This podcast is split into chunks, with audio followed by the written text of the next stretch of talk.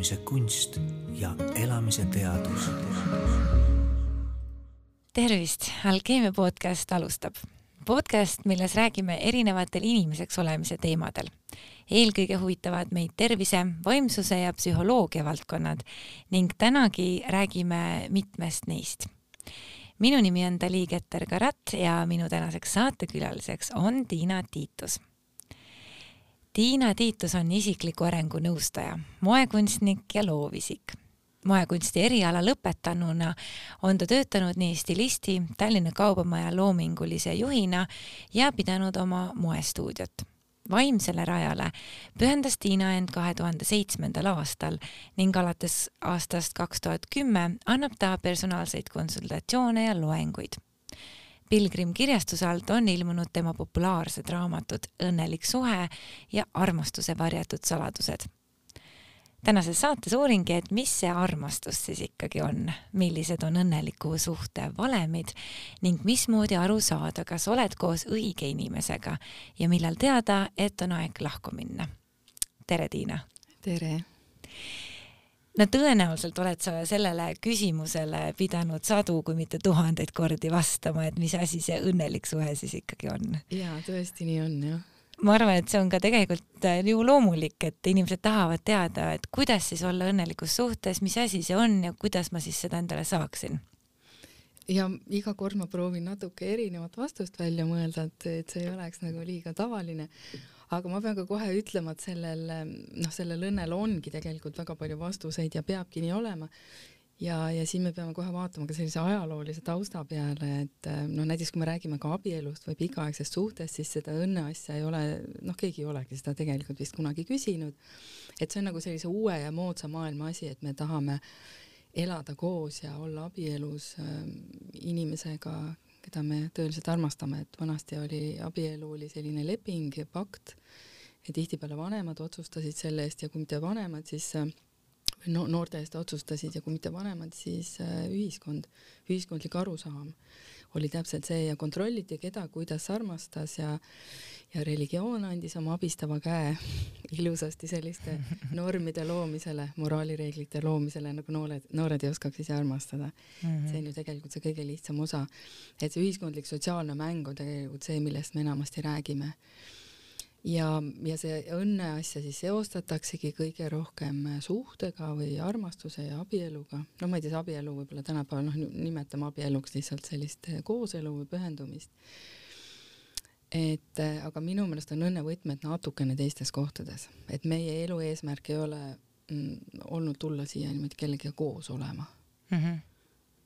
ehk et õnneliku suhte valem on tegelikult natuke juba või et õnnelik suhe, et, et, et kui meie nagu sa just ütlesid, et meie eesmärk ei ole tulnud siia olla kellegagi koos, ehk siis see õnn ei peitugi teises inimeses. jaa, muidugi. ja noh, kogu aeg ju seda räägitakse ka, eks ole, et ole ise õnnelik ja siis eh, noh, või no keegi teine ei saa sind õnnelikuks või hakka armastama ennast, siis armastatakse sind ka, millega ma ka muidugi päriselt nõus ei ole, sest kui ma ei tea, mina sain oma mehega kokku, siis ma olin ikka väga katki ja täiesti kildudeks ja väga õnnetu. et selle armastuse me tunneme ikkagi ära, vaatamata kõigele et see on nagu jänu või tühi kõht, et kõik oskavad süüa, et noh, armastus on täpselt samasugune igatsus.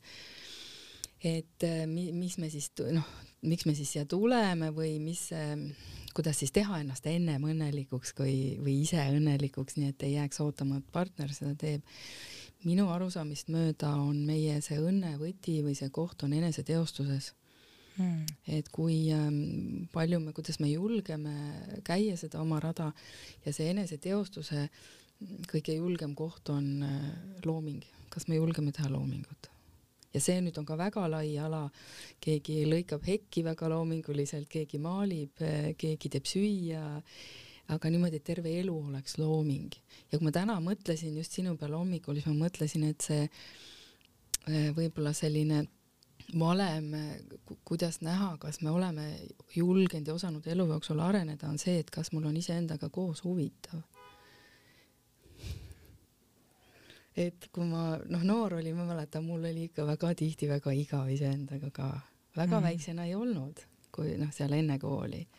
Ja siis noorena, olgem ausad, oli ikka vägi, päris igav päris tihti, aga praegu on küll niimoodi, et iga sekund, kus ma üksi olen, noh, mul ei ole kunagi igav kuidas inimene saaks aimu sellest, tõenäoliselt paljud ei ole mõelnudki selle peale, et kas mul on endaga igav või huvitav, kas on mingid märgid, mida, mis või, või mingid vihjed, mis annavad aimu sellest, et, et kas mul siis on endaga igav või kas ma olen enda seltsis hästi? no kui ma meenutan, siis minul oli selline tunne, et mul kui ma olin üksi, siis mul oli teatud ärevus, pea oli täitsa tühi, mul oli hästi igav, ma ei teadnud, mida teha, ma kuulsin ette teisi inimesi, noh, ma nägin küll siis inimesi, kes niimoodi istusid, ma ei tea, suitsu ja kohvitassiga ja ohkisid, et küll on ikka mõnus ja elu on küll ikka huvitav ja appi kui ma ja mina just nagu mõtlesin, et nagu miks mina niimoodi kunagi ei tunne. Et äh, miks noh, miks mul, ma ei tea, vahepeal ei olnudki vist nagu mingeid õnnehetki või, et ma ei osanud nagu seda teha. et ähm, Äh, millised mõtted on peas sel ajal, kui sa oled üksi? kas sul on mõtted peas sellised, et äh, oh appi, kui põnev, ma tahaksin seda just teha, ähm, noh, hakata mõttes seal mingeid asju juba korraldama, klaarima, joonistama, retsepte mõtlema, mida siis keegi parasjagu teeb ähm, või siis, või siis on pea tühi või natuke hirmu isegi ja see peatühi ei ole ka kõige hullem, et see on nagu ka selline üpris. see on tõenäoliselt koht, kuhu kõik me tahame ju, et see pea ja, oleks tühi onju, et ja. ei oleks neid segavaid ja, ja hirmutavaid mõtteid ja kõik see onju. aga see enamasti kipub olema selline ignorantsus või hirm või selline väljalülitamise teema ja enda nagu tuimestamise teema et eh, see lubada kõik sisse ja olla zen, et eh, noh, selleks ikka tuleb see eluke läbi teha mm. -hmm. aga ma kujutan ette, et seal on ka tõenäoliselt sellised vihjed, et kui inimene ei suuda näiteks vaikselt olla, vaikides, et alati peab kas raadio või telekas või midagi peab mängima, onju, et vaikuses tekib sihuke, ongi ärevus iseendaga olemisel või näiteks, et kui on mm, plaanideta nädalavahetus, et siis see tekitab ärevust ja, ja otsitakse, hakatakse alateadlikult otsima mingit, mingitki, kas siis ongi plaani, inimesi enda ümber või, või midagi, mis, mis, mis oleks vastand sellele, et ma lihtsalt olen kodus vaikselt äh, üksinda või, või rahulikult, onju jaa, täpselt nii ongi, aga noh, mina tunnen veel, et siia tuleb äh, appi või kaasa veel see selline nagu võistlusühiskond või selline saavutusühiskond, et noh, aeg ei ole raisata, aeg on raha, et lihtsalt ruttu sel ajal noh, et niisama passimine ongi aja raiskamine. ma olen näiteks tundnud isegi niimoodi, et niisama eesmärgita jalutamine on aja raiskamine, et mu mees on õpetanud seda, et lihtsalt jalutamine sihitult ilma eesmärgita on nagu väga selline sihipärane ja põnev tegevus. ja siiamaani ma ikkagi taban ennast mõttelt, et noh, ma pean vähemalt selle majani jalutama, siis teise majani, et noh, mul mm. peab olema nagu eesmärk. aga mis see siis ähm et kui teine inimene ei ole minu õnneallikas, onju, kõlab nagu loogiliselt. aga samas on ikkagi inimesel, me tahame seda suhet, me tahame olla paari suhtes, me tahame armastada, me tahame, et meid armastatakse, onju. ja siis tihtipeale inimesed leiavad ennast suhetest, mis ei tee neid õnnelikuks, mis ei ole äh, nagu, mis ei ole mitte lihtsalt õnneallikad, vaid pigem on just nagu ärevuse allikad või on sellise pingeallikad, onju. ei taheta koju minna, sest seal on mingisugune pinge, ei taheta, püütakse vältida näiteks kaaslasega pikalt kahekesi olemist, sest teatakse, et siis tuleb nagunii jõuame varem või hiljem mingi draamani, onju. et, et kuidas siis seda paari suhte teemat niimoodi tööle saada või toimima panna või? no lühidalt öeldes võiks öelda, et kõik, mis me peame tegema me peaksime olema teisest inimesest lihtsalt vaimustuses elu lõpuni, aga noh, ma annan endale aru, et see kõlab väga naiivselt ja, ja noh, see ei ole võib-olla võimalik eh, niimoodi kohe laksust. aga see teema on väga suur ja lai, et see, miks me ei oska olla õnnelikud, eh, noh, me proovime olla lojaalsed oma eelneva, noh, eelnevate põlvkondade mustritele. me ei ole kunagi näinud, kuidas ollakse õnnelikud, me ei ole näinud, kuidas eh, probleeme lahendatakse ja paaris olek on olnud ka või kooselu ja abielu on olnud elu ja surma küsimus, see on pidanud kestma ükskõik millise hinnaga. Ja meil on tambitud ka pähe seda, et elu ongi raske ja kõikides suhetes juhtub ja noh, praegu, kuidas kõik tohivad koos olla ju ainult sellepärast, et nad tahavad, siis nüüd ongi väga suur segadus, me olemegi nagu vasikad kevadisel väljal või nagu tule, tuletõrjevoolikud, et kõik äh, lihtsalt äh, sahmivad ringi ja ei tea, mida tohib, ei tohi. absoluutselt kõike tohib ja see ongi nüüd nagu uus olukord. vanasti oli lihtne, seda tohtis, seda ei tohtinud, sa pidid igal juhul koos olema, eriti kui sa oled naine.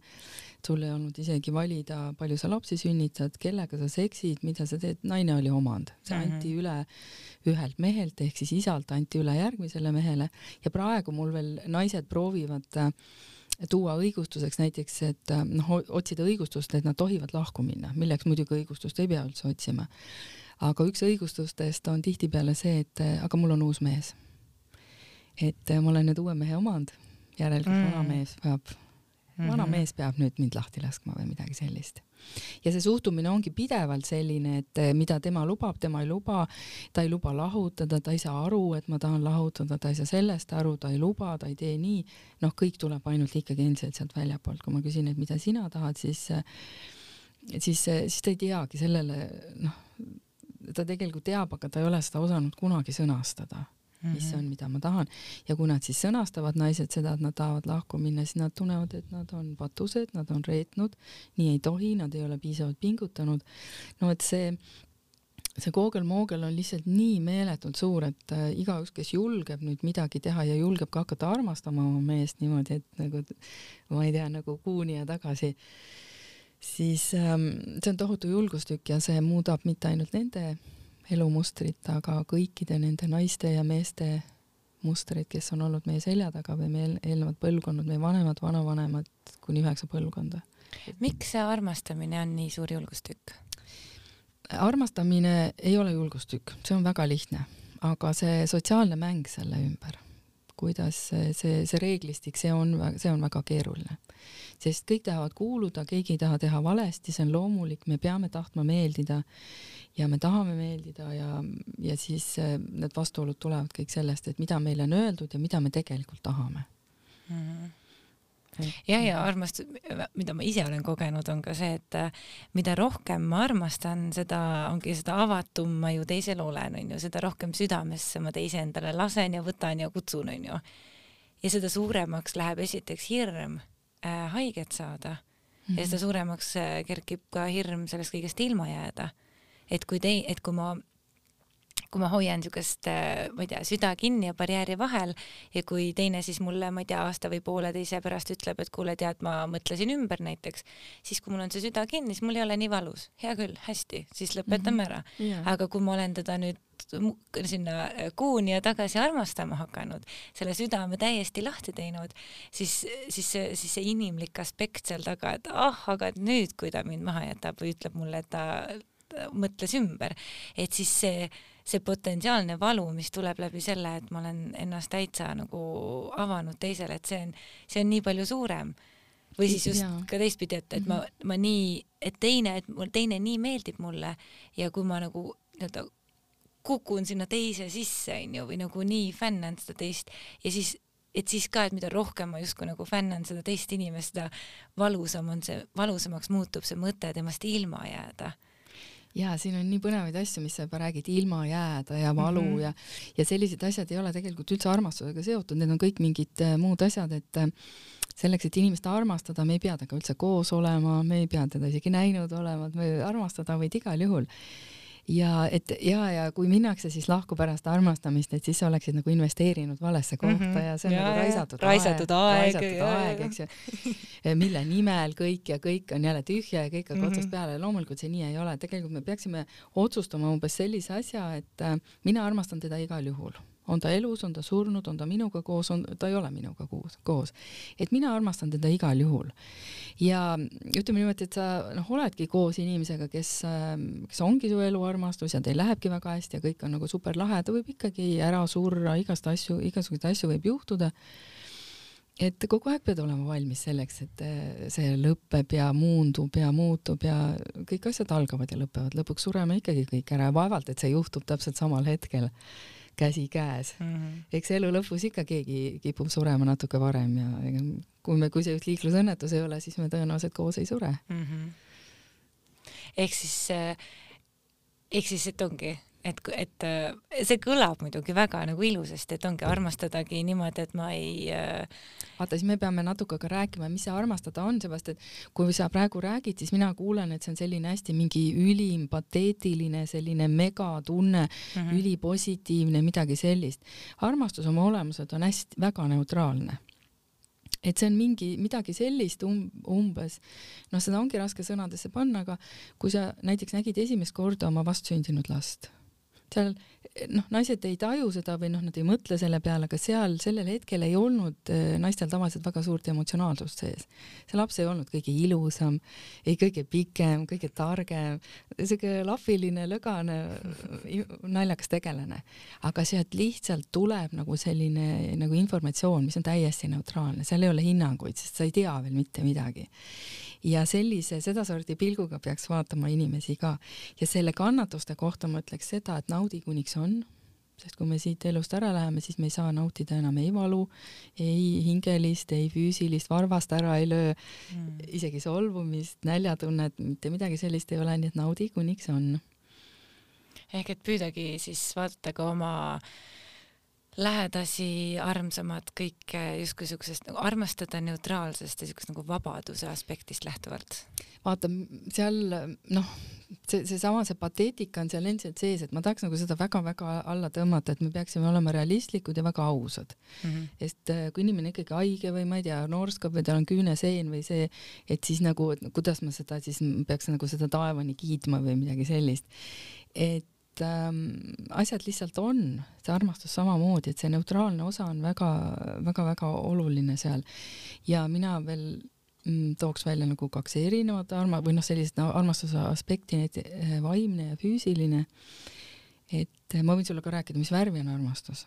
jaa, palun, ma usun, et meie kuulajad väga tahaks teada, et. jah, noh, ma loengutes räägin seda ka, aga ütlemegi niimoodi, et kui see vaimne armastus ütleme, et see on valgus ja kui me võtame nüüd kõik sellised valguse kiired, kõiki värvi valgust maailmas, mis olemas on, valgest kuni tumedate värvideni, musta muideks ei ole olemas, on alati mingi värvi väga tume variant mm.. ja laseme need kõik kokku ühte spektrisse, siis me saame läbipaistva ehk valge valguse. armastus mm. on läbipaistev hinge tasandil. ja kui me räägiksime nagu füüsilisest tasandist, et võtame selle sümboliks sellised füüsilised värvid maailmas, noh, seinavärvid, guašvärvid, põrandavärvid, juuksevärvid, kõik värvid, mis üldse on maailmas olemas.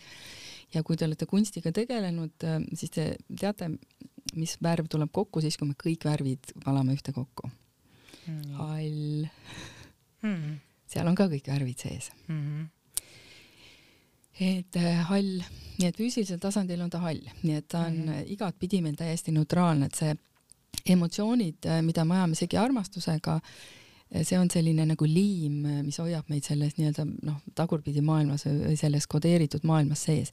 kõik tehakse selle nimel, et meis käivitada emotsioonid ja mm -hmm. see armastuse jutt väga hästi klapib selleks ja siis kõik otsivad ainult seda positiivset, positiivset, positiivset, aga, aga elektril on negatiivne pool ka sees ja kui on mõlemad pooled ilusti olemas, siis on tasakaal ehk nullis ja nüüd me ei saa, elu ei ole, noh, ei ole võimalik, et elu oleks tasakaalust väljas, nii et ei ole võimalik, et on see positiivne aga kuna emotsioonid on ka mängus ja me ei taha valu, me ei taha, noh, see valu niikuinii on tegelikult pärit sellest, et meid lapsena on kuidagi hüljatud muidu me ei teaks ju seda üldse karta mm, -hmm. et mhm. armastus meid hülgab, kust me üldse sellest teaksime. et ähm, no keeruline, aga väga, samas väga lihtne lugu, et kui me teatud asjad läbi näeme, siis äh,, siis on kergem. aga noh, see ei tähenda seda, et noh, kõik arvavad, et ma, kui ma kukun, ma ei saa haiget või ei, ei nuta kunagi või ei, mul ei ole, mul on väga raskeid päevi aga me ei pööra seda teineteise vastu või proovime nagu mõista seda, et on minu lugu ja on tema lugu ja me saame ainult teineteist aidata. Öeldakse ju, et partner on äh, minu kõige suurem tervendaja, onju. et, äh, et, et seda, et seda tasuks ongi võtta nagu kingitusena vastu, mitte selle vastu võidelda või, või kuidagi siis olla kuri omaenda peegli peale, onju. ja, ja, et karjume peegli peale, kui juuksed on sassis mm. -hmm. kas on äh, võimalik, et inimene on koos äh, paari suhtes vale inimesega? ei, see ei ole võimalik, seepärast et kõik, mida me kogeme, on hetkel hädavajalik kogeda, kõik, mis juba nagu füüsilisse maailma tuli, see peab ilmtingimata äh, läbi tehtud saama. et äh, noh, see küsimus ju siis sisaldab, eks ole, seda, et noh, et inimene on nõme ja tema on süüdi ja vastik ja, ja ebamugav mm, -hmm. siis tuleb see lihtsalt väga ruttu läbi teha ja taibata, mis seal on ja julgeda minna edasi sest sõltuvussuhetes ja vägivaldsetes suhetes inimesed ju ei usu, et nad on midagi muud väärt ja ei julge minna mujale. et aga vale, sellist nagu vigu ei teki mm. -hmm. selles ma olen kindel. tema ei ole süüdi kahjuks vahel oleks kuigi nii hea öelda. see oleks nii hea, kui tema oleks süüdi ja -hmm. see mhm. teine on alati süüdi, noh, mida me proovimegi ja siis, kui me oleme väga õnnetud, no ma olen seda ju ise teinud väga palju elu jooksul, et kui on paha olla, siis ma proovin leida õigustust endale ja, ja saada nagu kaasmõtlejaid sellele, kui nõme see teine pool on. aga alustus, alustuseks armastame seda ka, seda mõtteviisi, mis ma praegu kirjeldasin ja märkame, et ta on olemas. Ähm, registreerime alati selle olukorra, mis hetkel on, isegi kui see on väga valus, kui see on hirm, siis me nagu ütleksime universumile, et ma taipasin, mul ei ole seda rohkem vaja ta võib tulla veel teiste nurkade alt ja tõenäoliselt tulevad veel ka eksamid, aga eh, see tehakse tavaliselt ka ära, kui on mingid asjad taibatud. näiteks kui inimest on, ta on olnud vägivaldses suhtes ja teda on pekstud, siis mingil hetkel ta võtab vastu teatud otsuseid ja mitte keegi enam kunagi ta vastu kätt tõsta lihtsalt ei saa mm.. ja see ei tähenda seda, et ta oleks ise süüdi asjades ja see teine oleks süüdi. kahjuks ei ole keegi süüdi, et mina usun kokkulepetesse ja usun sellistesse asjadesse, et need on lihtsalt vaja ära teha mm. -hmm.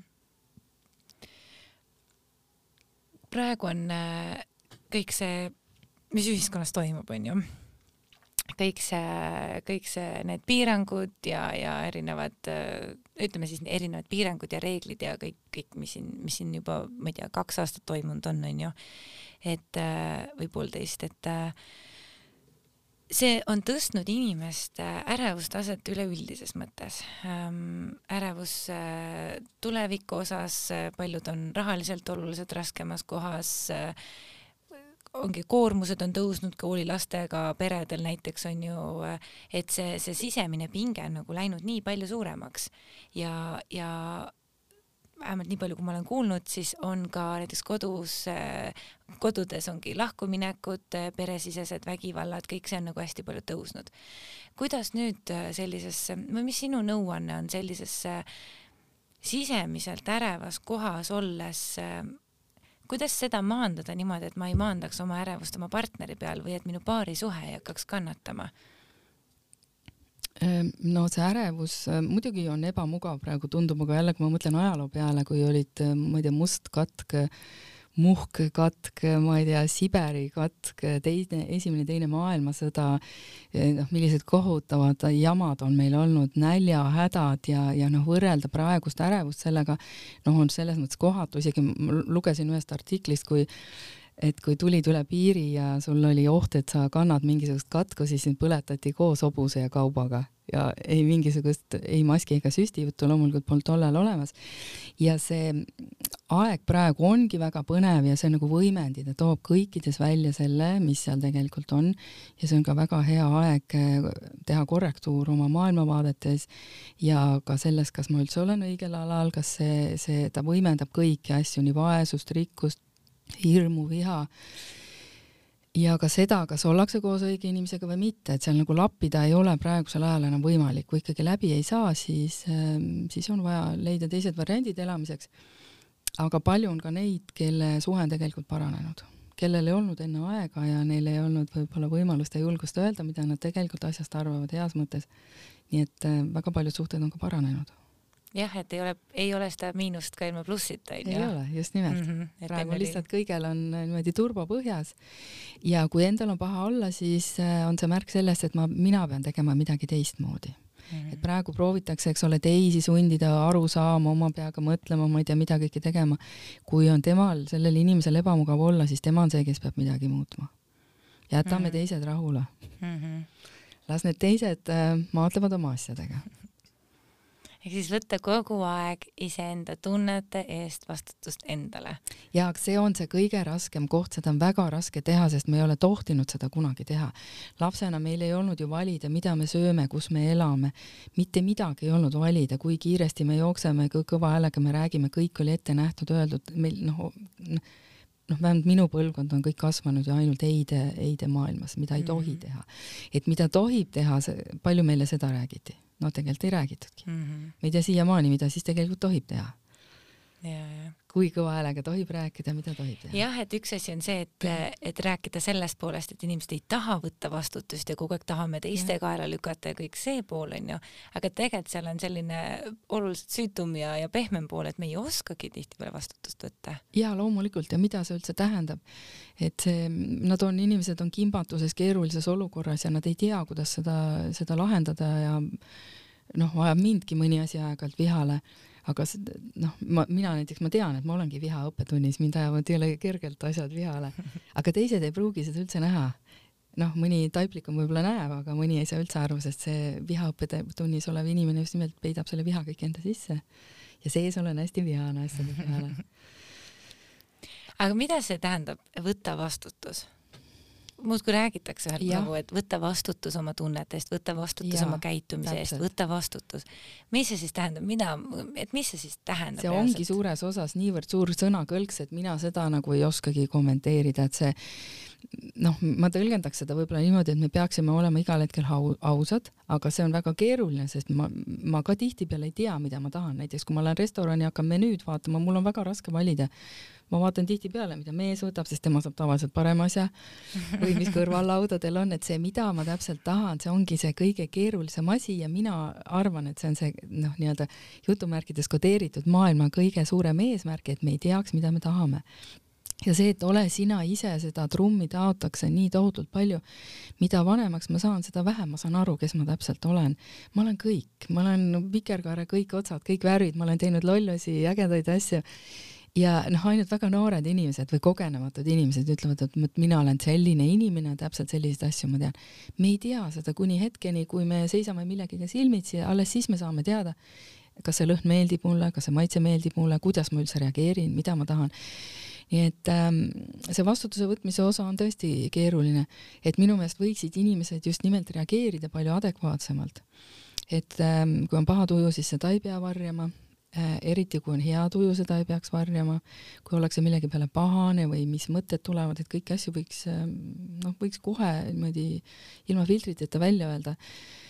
ohtlik oht, eks ole, sellepärast et arvatakse, et hakkab tulema väga koledaid asju.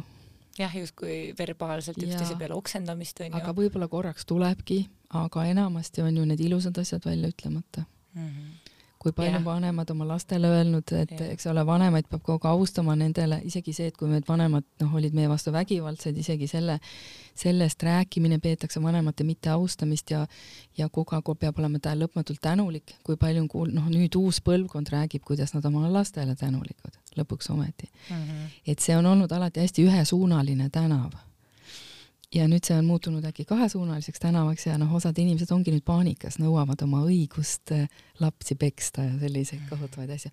vot see on see koht, mis ajab mind vihale, kui ma niisuguseid artikleid loen mm. -hmm. Mm -hmm.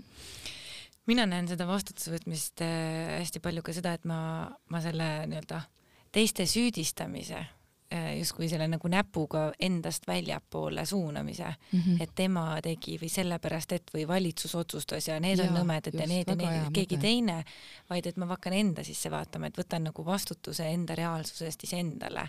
ehk siis, et kui minu reaalsuses on mingi kogemus, et siis ja, ja kui minu, mina vähemalt usun, et kui minu reaalsus on minu sisemaailma peegeldus ja kui minul on mingi kogemus, siis järelikult on see midagi minust, mida mm -hmm. see mhm. peegeldab ja selle teise sõimamise asemel ongi, hakkan vaatama iseennast mm, -hmm. mis see minule näitab, mis minu sees toimub, et mul nii on või et miks minu reaalsus on sellised asjad või või, või ongi, mida need asjad mulle näitavad või, või kas minus on hoopis mingi sihuke, ma ei tea, agressiivsus, mida ma oma reaalsuses äkki näen, onju vahel on hea muidugi teiste vigadest ka õppida. või nad on muidugi sellised noh, noh õnnetud ja ise on, noh, kõik me oleme aeg-ajalt ikkagi õnnetud olnud ja siis neid selliseid asju ikkagi lipsab sisse, pole mõtet valetada mm. -hmm et eks see teekond on selline kaks sammu edasi ja, või kolm sammu edasi, kaks tagasi ja siis mm -hmm. jälle kolm edasi, nii et hästi oluline on ennast nendes ähm, halbades hetkedes mitte siunata ja ja mitte iseennast ka kritiseerida. et kui ikkagi sai kellegi kohta, kellegi pihta sajatatud, siis äh, oleme selles suhtes ka neutraalsed ja läheme ka edasi mm. -hmm. et see inimeste see süütunne on ka nii lõputu. inimesed juba alustavad oma lauseid niimoodi, minu viga on selles. siis ma ütlen neile, et sul ei ole mitte midagi viga. oli lihtsalt midagi, mida sa ei osanud sest mm -hmm. mina usun, et kõik inimesed annavad äh, oma parima, nii et neil aur, aur keeb sees, isegi tõesti, kui nad lihtsalt, ma ei tea, lamavad diivani peal või sõimavad teisi, sest nad lihtsalt ei oska paremini hetkel. Sa enne mainisid, korraks rääkisid, et, et kui et kui ikkagi ei sobi see suhtlus või läbi ei saa, et siis, siis võiks ikkagi selle, selle suhtekogemuse tolle inimesega ära lõpetada. kuidas siis teada, et on aeg lahku minna või siis on lihtsalt üks raske periood. sa oled ise ka vaata mm -hmm. pikalt koos olnud, on ju, oma abikaasaga, et, et ma, mul on vähemalt hüpotees, et, et see ei, et ei ole iga päev seal kümnest kümme, on ju, vaid ongi raskemaid raskemaid perioode ja, ja, ja et ka see paarisuhe, rääkimata elust endast, on nagu sinusoid, mis käib üles-alla, lihtsalt meie need amplituudid on erinevad inimestel, on ju.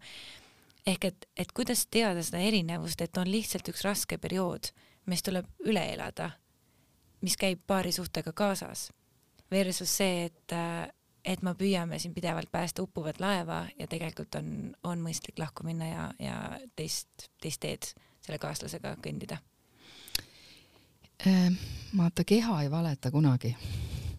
et kui see füüsiline pool, et inimene ikkagi lõhnab hästi, on armas, huvitav, mõnus, tore Eh, aga kui asi ei toimi, siis seal enamasti on eh, kaks sellist suurt vaalaskala risti ees, on võimuvõitlus ja halb kommunikatsioon. Ja noh, isegi kui on kirglik suhe, siis tihtipeale ju see halb kommunikatsioon või see tülitsemise osa on hästi suur. aga kui ikkagi ei ole enam huvitav ja, ja näiteks ollakse tõesti laste pärast koos ja inimesega ei ole huvitav rääkida, et see, see tõekoht on ikkagi see, et ähm, ta ei meeldi mulle enam mm. -hmm. ja ta ei ole mulle huvitav, ma ei taha teda katsuda, ta jutt ei ole huvitav. Et kui kirglikult, ma ei tea, seal kakeldakse ja kirglikult seksitakse ka, et siis on palju lootust, siis inimestel on vaja õppida lihtsalt suhtlema mm. -hmm.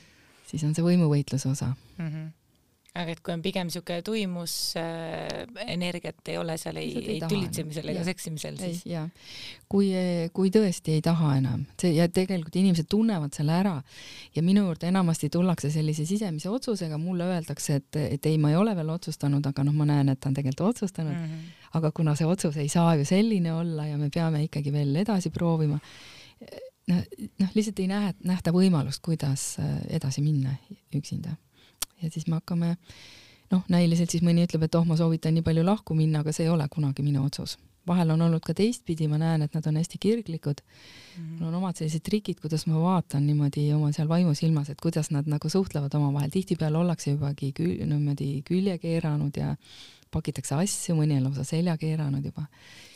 et eh, miks, siis ei ole enam vaja midagi teha, et elu on liiga lühike selleks mm. -hmm. aja raiskamine ja inimesed ei austa oma otsuseid. et vaat siin on see koht jälle, ole sina ise, noh, kui palju meil intuitsioon räägib, me ei kuula seda.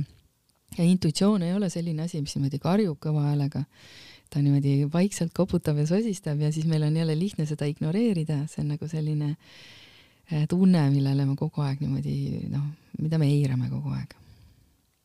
ja siis on see sotsiaalne mäng, mis karjub kõva häälega, sellele on palju lihtsam kaasa minna mm. -hmm. kümme reeglit, kuidas oma abielu päästa ja kakskümmend viis seksipoosi, kuidas oma meest rahuldada, kui ise nagu enam ei, ei taha mm. -hmm jah, ja siis, kui sinna pannagi veel juurde lapsed ja, ja ühised, ühine kinnisvara näiteks, ühised laenud ja kõik see, siis on see võrgustik juba nii, nii tugevalt sinna ümber kootud, on ju, et, et ongi ühelt poolt nii-öelda ühelt poolt võib-olla ongi raskem lahku minna, teiselt poolt jälle mina näen, et see, see vastutuse koht on lihtsalt suurem, et ma pean ise võtma selle vastutuse, et astuda sellest suhtest välja.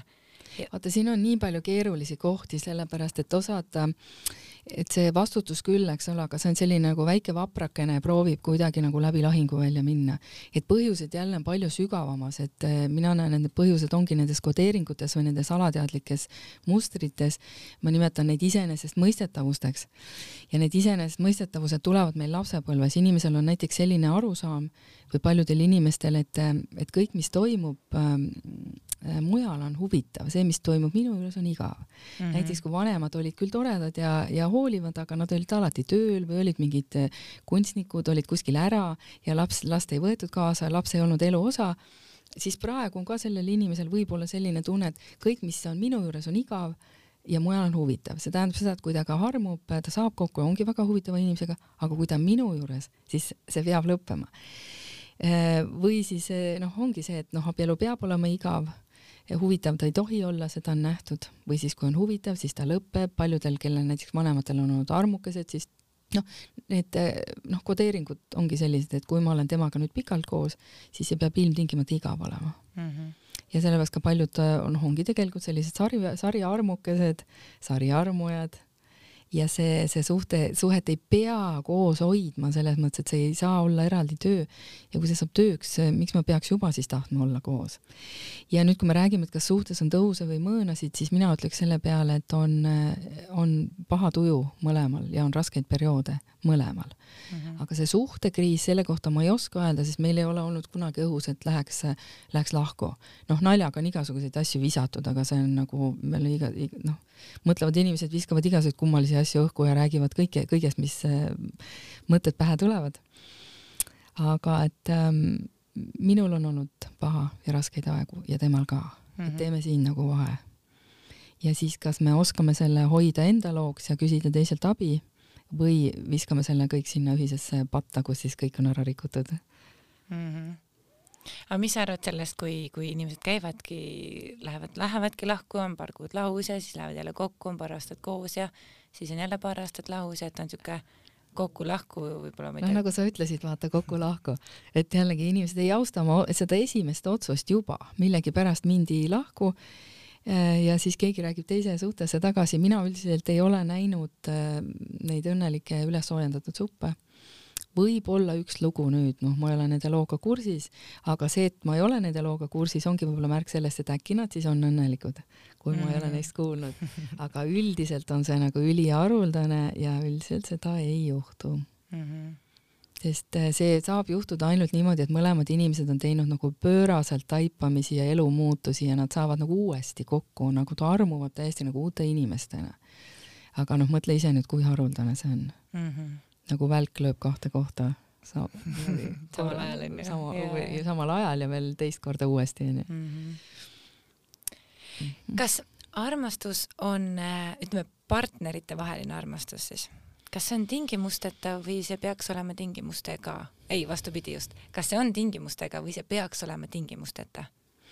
see on ikka keeruline asi, et ma olen nagu aastaid öelnud, et armastus on alati tingimusteta aga samas, miks ta peaks olema meie maises elus tingimusteta, kui mul ikkagi selgub, et ta oli sarimõrvar ja ma seda enne ei teadnud, see on väga adek-, just, vot see on adekvaatne tingimus onju, nagu aga samal ajal tegelikult on ju ka palju pehmemad või mitte nii äärmuslikud tingimused ka ju tegelikult adekvaatsed tingimused. või siis äkki endiselt ikkagi on armastus tingimusteta, seepärast et, et ma armastan teda küll aga ma ei taha temaga enam koos elada mm. -hmm. aga need asjad ei pea olema ilmtingimata kokku seotud mm. -hmm. ja siis vaata, inimesed vaagivadki põhiliselt selle kallal, et kas ta armastab, ei armasta, armastab järelikult ei tohi lahku minna. Armastavad igal juhul ja, ja armastada võib kaugelt ka, aga kas ma tahan temaga koos olla, kas mul on huvitav, kas ta on viisakas, kas, kas minul on kerge temaga suhelda, need on nagu need küsimused mm. -hmm. jah, et need on nagu kaks erinevat asja onju mm -hmm., et kas ma armastan või ma tahan temaga koos ja. olla just, et kas me elame koos ja kas see kõik so sobib ja sujub. sa võid armastada mõnda popstaari ka ja sul ei, ei ole võimalust temaga koos elada, kuigi tahaks mm. -hmm jah, sest mind seni on kõnetanud hästi see lause, et või see mõte, et et ema, no ütleme, vanema ja lapse vahel on tingimusteta armastus aga et partnerite suhed, et me tihtipeale partneritena ootame, et teine meid armastas, armastaks tingimusteta. mis sa ütlesid praegu, ma ei, isegi lause teist poolt ei kuulnud, sest see esimene pool, mis sa ütlesid, oli nii šokeeriv mulle. ma ei ole kohanud rohkem tingimustega armastust kui emade puhul. kuid meie probleemid on pärit praegu, meie ühiskonna probleemid emotsionaalselt kättesaamatute külmade emade käest.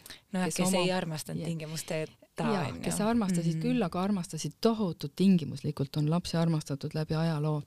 et see tingimuste kuhil, mis laste peale pannakse, on lihtsalt üüratu mm. Ja no. ma kahtlustan just see, et need emad, kes on tingimusteta armastada, armastanud, et need on olnud isegi heidikud äh, ühiskonnas, sünnitanud üksikemana, olnud e-, välja heidetud. Ähm, et see on olnud pigem nagu vastupidi, et meil on olemas isegi seadus inimkonnal on olnud seaduseid pikka aega selle kohta, kuidas hüljata last. aga kui, kuidas üllata vanemad, sellist seadust ei ole olemas. et äh, vanemad just on selle tingimuslikkuse meie sisse pannud. Laps on see, kes alati armastab tingimusteta, isegi kui lapsevanem on vägivaldne. laps ei lõpeta vanema armastamist, ta lõpetab enda armastamise ja hakkab iseennast vihkama hmm paraku on see kahjuks niimoodi ja needsamad tüdrukud muidugi, kes siis oma lastele ja, ja isad, kes oma lastele on olnud vägivaldsed ja emotsionaalselt kättesaamatud, nad ei ole ka süüdi, sellepärast et neile on niimoodi ka tehtud. Nad on olnud tublid lapsed, nad ei osanud teistmoodi, nad ei teadnudki, et teistmoodi tohib. Sest tubli laps teeb alati edasi seda, mida temale on tehtud. aga pole vist mõtet öelda, et praegu niivõrd uued ajad naistest ja lastest on saanud ka inimesed hmm.. see juhtus peale teist maailmasõda või hakkas tasapisi juhtuma. seega okei okay,, no mina ise tunnen täiega või ma ei tea, võib-olla ma olen lihtsalt naiivne, et et olen mõelnud, et, et vanemad, no ongi see ema armastus on nagu tingimusteta, aga et partnerit, et seal on nagu adekvaatne omada mingeid tingimusi. Vaata nüüd, kui lapsed, vaata kui lapsed nüüd isegi, vaata praegu sa oled, eks ole, noore põlvkonna ema ja loomulikult sa mõtledki teistmoodi, aga vaata nüüd ajalooliselt, et kui lapsed on olnud erineva, erinenud liiga palju vanemate arusaamadest, armastanud, ma ei tea, noh, praegu, kui sa võtsid isegi teisest külast poisi, võib-olla ei sobinud mm. -hmm. Romeo ja Julia surid sellepärast, et nende perekonnad olid tülis, mitte sellepärast, et noored ei osanud armastada, aga sellepärast, et nende vanemad vihkasid üksteist ja nad mm. -hmm. ei tohtinud vanemate pärast ja et ehm, kui ikkagi armastatakse teise nahavärviga inimest või samast soost inimest, et vaatame, kui palju see vanema tingimusteta armastus siis yeah. või siis ütleb, et oo, ma otsustasin üldse mitte lapsi saada mm. või on puudega või on lihtsalt kole, ei meeldi näiteks emale yeah, ja isale, et sellised, see on, see on kahjuks väga levinud. ja, ja kui sa niimoodi välja tood, siis on, siis on tõesti ja need yeah. võtmed, õnneliku suhte võtmed on kõik seal selles, kuidas meid koheldi lapsepõlves ja, ja ka niimoodi, mida me pealt nägime, see on mm -hmm. ka väga valus ja raske osa mm. -hmm. ja siis võidi meile panna veel ka üle jõu käivad koormad, näiteks kui emad olid, seal olidki näiteks üksikema või oli hästi murdunud või katki ja ta ei saanud hakkama, siis ta pani näiteks lapse vastutama ülesannete eest, mida ta ei, ei, ei jaksanud, ei tohtinudki teha, näiteks teise lapse eest hoolitsemine või siis kallas oma emotsionaalse taaga talle kõik kaela siis äh, praegu ka näiteks need äh, tüdrukud või poisid otsivad äh, omale üle jõu käivaid ülesandeid ülesanne, mis on, on, laheneb hästi, ta ei saagi seda võtta, ta peabki võtma sellise suhte, mis ei saagi mitte mingil juhul toimida, sest ainult see ongi tema jaoks armastus mm. -hmm. kõik need iseenesestmõistetavused, mis me lapsepõlves kogeme või noh, need arusaamad, need, need seotakse siis meie iseenesestmõistetavustega täiskasvanuna yeah ja see on keeruline koht. nii et baariteraapia, pereteraapia, igasugused eh, teraapiavormid eh, selleks, et saada iseendast rohkem eh, sotti, selleks, et arvutada lahti oma lapsepõlves saadud igasuguseid pusasid ja sõlmkohti, on hädavajalikud selleks, et et elada niisugust harmoonilist ja mõnusat ja lõbusat elu nii üksi kui ka oma partneriga. ja ükskõik mil viisil see toimub ja see ei pea olema nüüd mägede liigutamine, minu arusaamist mööda käib see mööda taipamisi, et on meil vaja nagu läbi näha, taibata ja mitte võtta isiklikult. aga noh, meil on nagu selline sisemine sund oma eluhinnaga lapsed kannavad edasi neid mustreid, mis ees olid, isegi mm. kui need olid väga valusad no see vist on küll kõik see, kogu see armastuse, paarisuhte, lapsepõlve, kõik need teemad on sellised, millest võikski vist jääda jää, rääkima ja erinevate nurkade alt, erinevatest äh, lähtepunktidest ja aga ma küsiksin lõpetuseks äh, kokkuvõtteks sinult äh, sellist sinu niisugust peamisi elutarkused eri, mis võiks olla ka kaks-kolm-neli mõtet või, või põhimõtet või, või nõuannet, mida sa praegult meie Alkeemia podcasti kuulajatele siit kaasa tahaksid anda?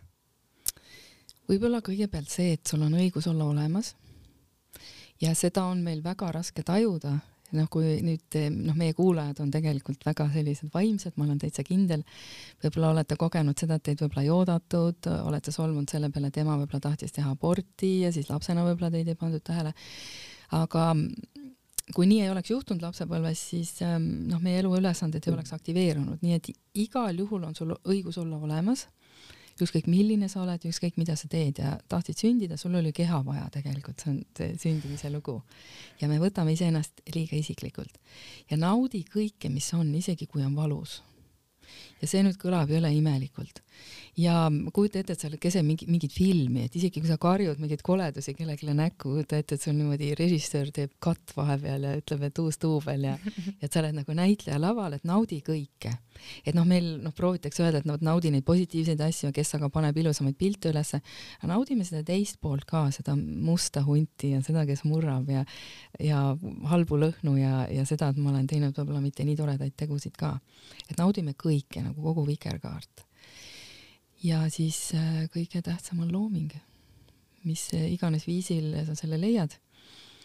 et nüüd, kus ma ise olen saanud mõned vastused oma valusatele asjadele, siis ma nüüd, mina näiteks tahaksin uuesti rohkem loomingu poole pöörduda, mitte et see poleks olnud looming, mis ma olen teinud aga et looming on see hetk, kus kaeb, kaob aeg ja ruum tõesti ükskõik, mida sa teed, see võib olla lugemine, isekirjutamine, isegi niisama istumine vee ääres. et äh, looming on selline otsetee nagu sinna hingekoju või nirvaanasse või paradiisi või ükskõik, kuidas me seda nimetame. otsige jah, seda loomingu kohta. jah, ja see võib ju olla, ongi igas asjas on ju, kes kokkab kes sisustab kodu, kes kes teeb podcast'i ja, ja see mul on täiega see ja.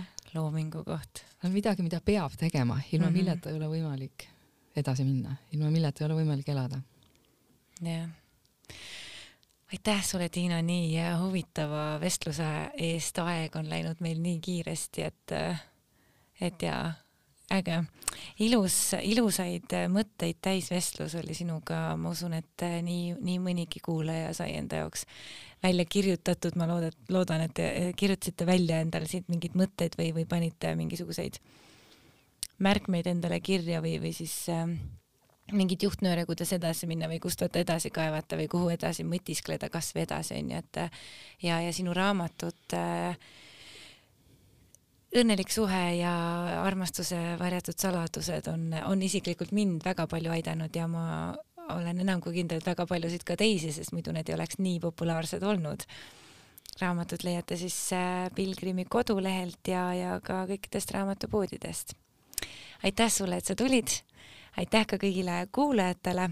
meie tegemisi saad jälgida Alkeemia Facebookist, Instagramist ja kodulehelt alkeemia.ee ja nagu ikka, ma siin lõpus ütlen, et kui sa tahad meile kirjutada, tahad tagasisidet saata, tahad mingeid nõuandeid anda või, või saatekülalist soovitada, siis sinu kirja ootan ma aadressil alkeemiapodcast at delfi.ee. aitäh ja kohtumiseni järgmisel korral. alkeemia, muutumise kunst ja elamise teadus alkeemia taskuhääling toob teieni huvitavat ja harivat keha, hinge ja meele vallast. kuula ja loe alkeemia.ee, leia meid ka Facebookist ja Instagramist